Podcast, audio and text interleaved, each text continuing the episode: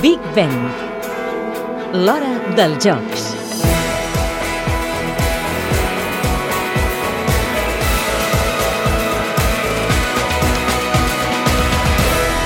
L'exèrcit anglès també tindrà el seu protagonisme durant els Jocs Olímpics de Londres d'este estiu. Els diferents cossos que el formen tindran una funció ben particular. Vetllaran per les banderes de l'entrega de medalles. Així ho explica el cap d'esquadra de les Forces Aèries, Lee Cobley. Ens dividim en equips que ajudarem en la pujada de les banderes en les cerimònies d'entrega de medalles.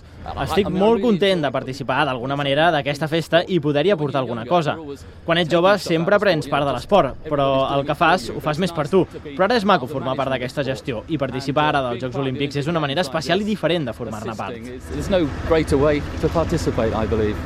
En total seran uns 170 soldats els encarregats de pujar les banderes dels campions. Un d'ells és l'oficial de l'Armada Real Port Barclay.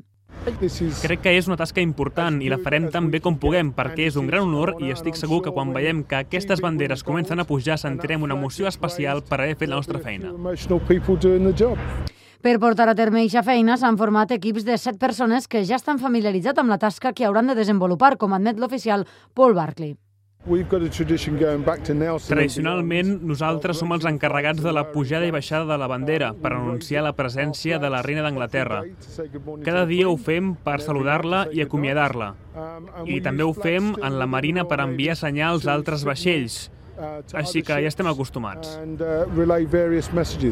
En total es calcula que entre els Jocs Olímpics i els Jocs Paralímpics que es disputaran just després també en Londres es faran unes 800 cerimònies d'entrega de medalles on hauran de participar els membres dels diferents cossos de l'exèrcit.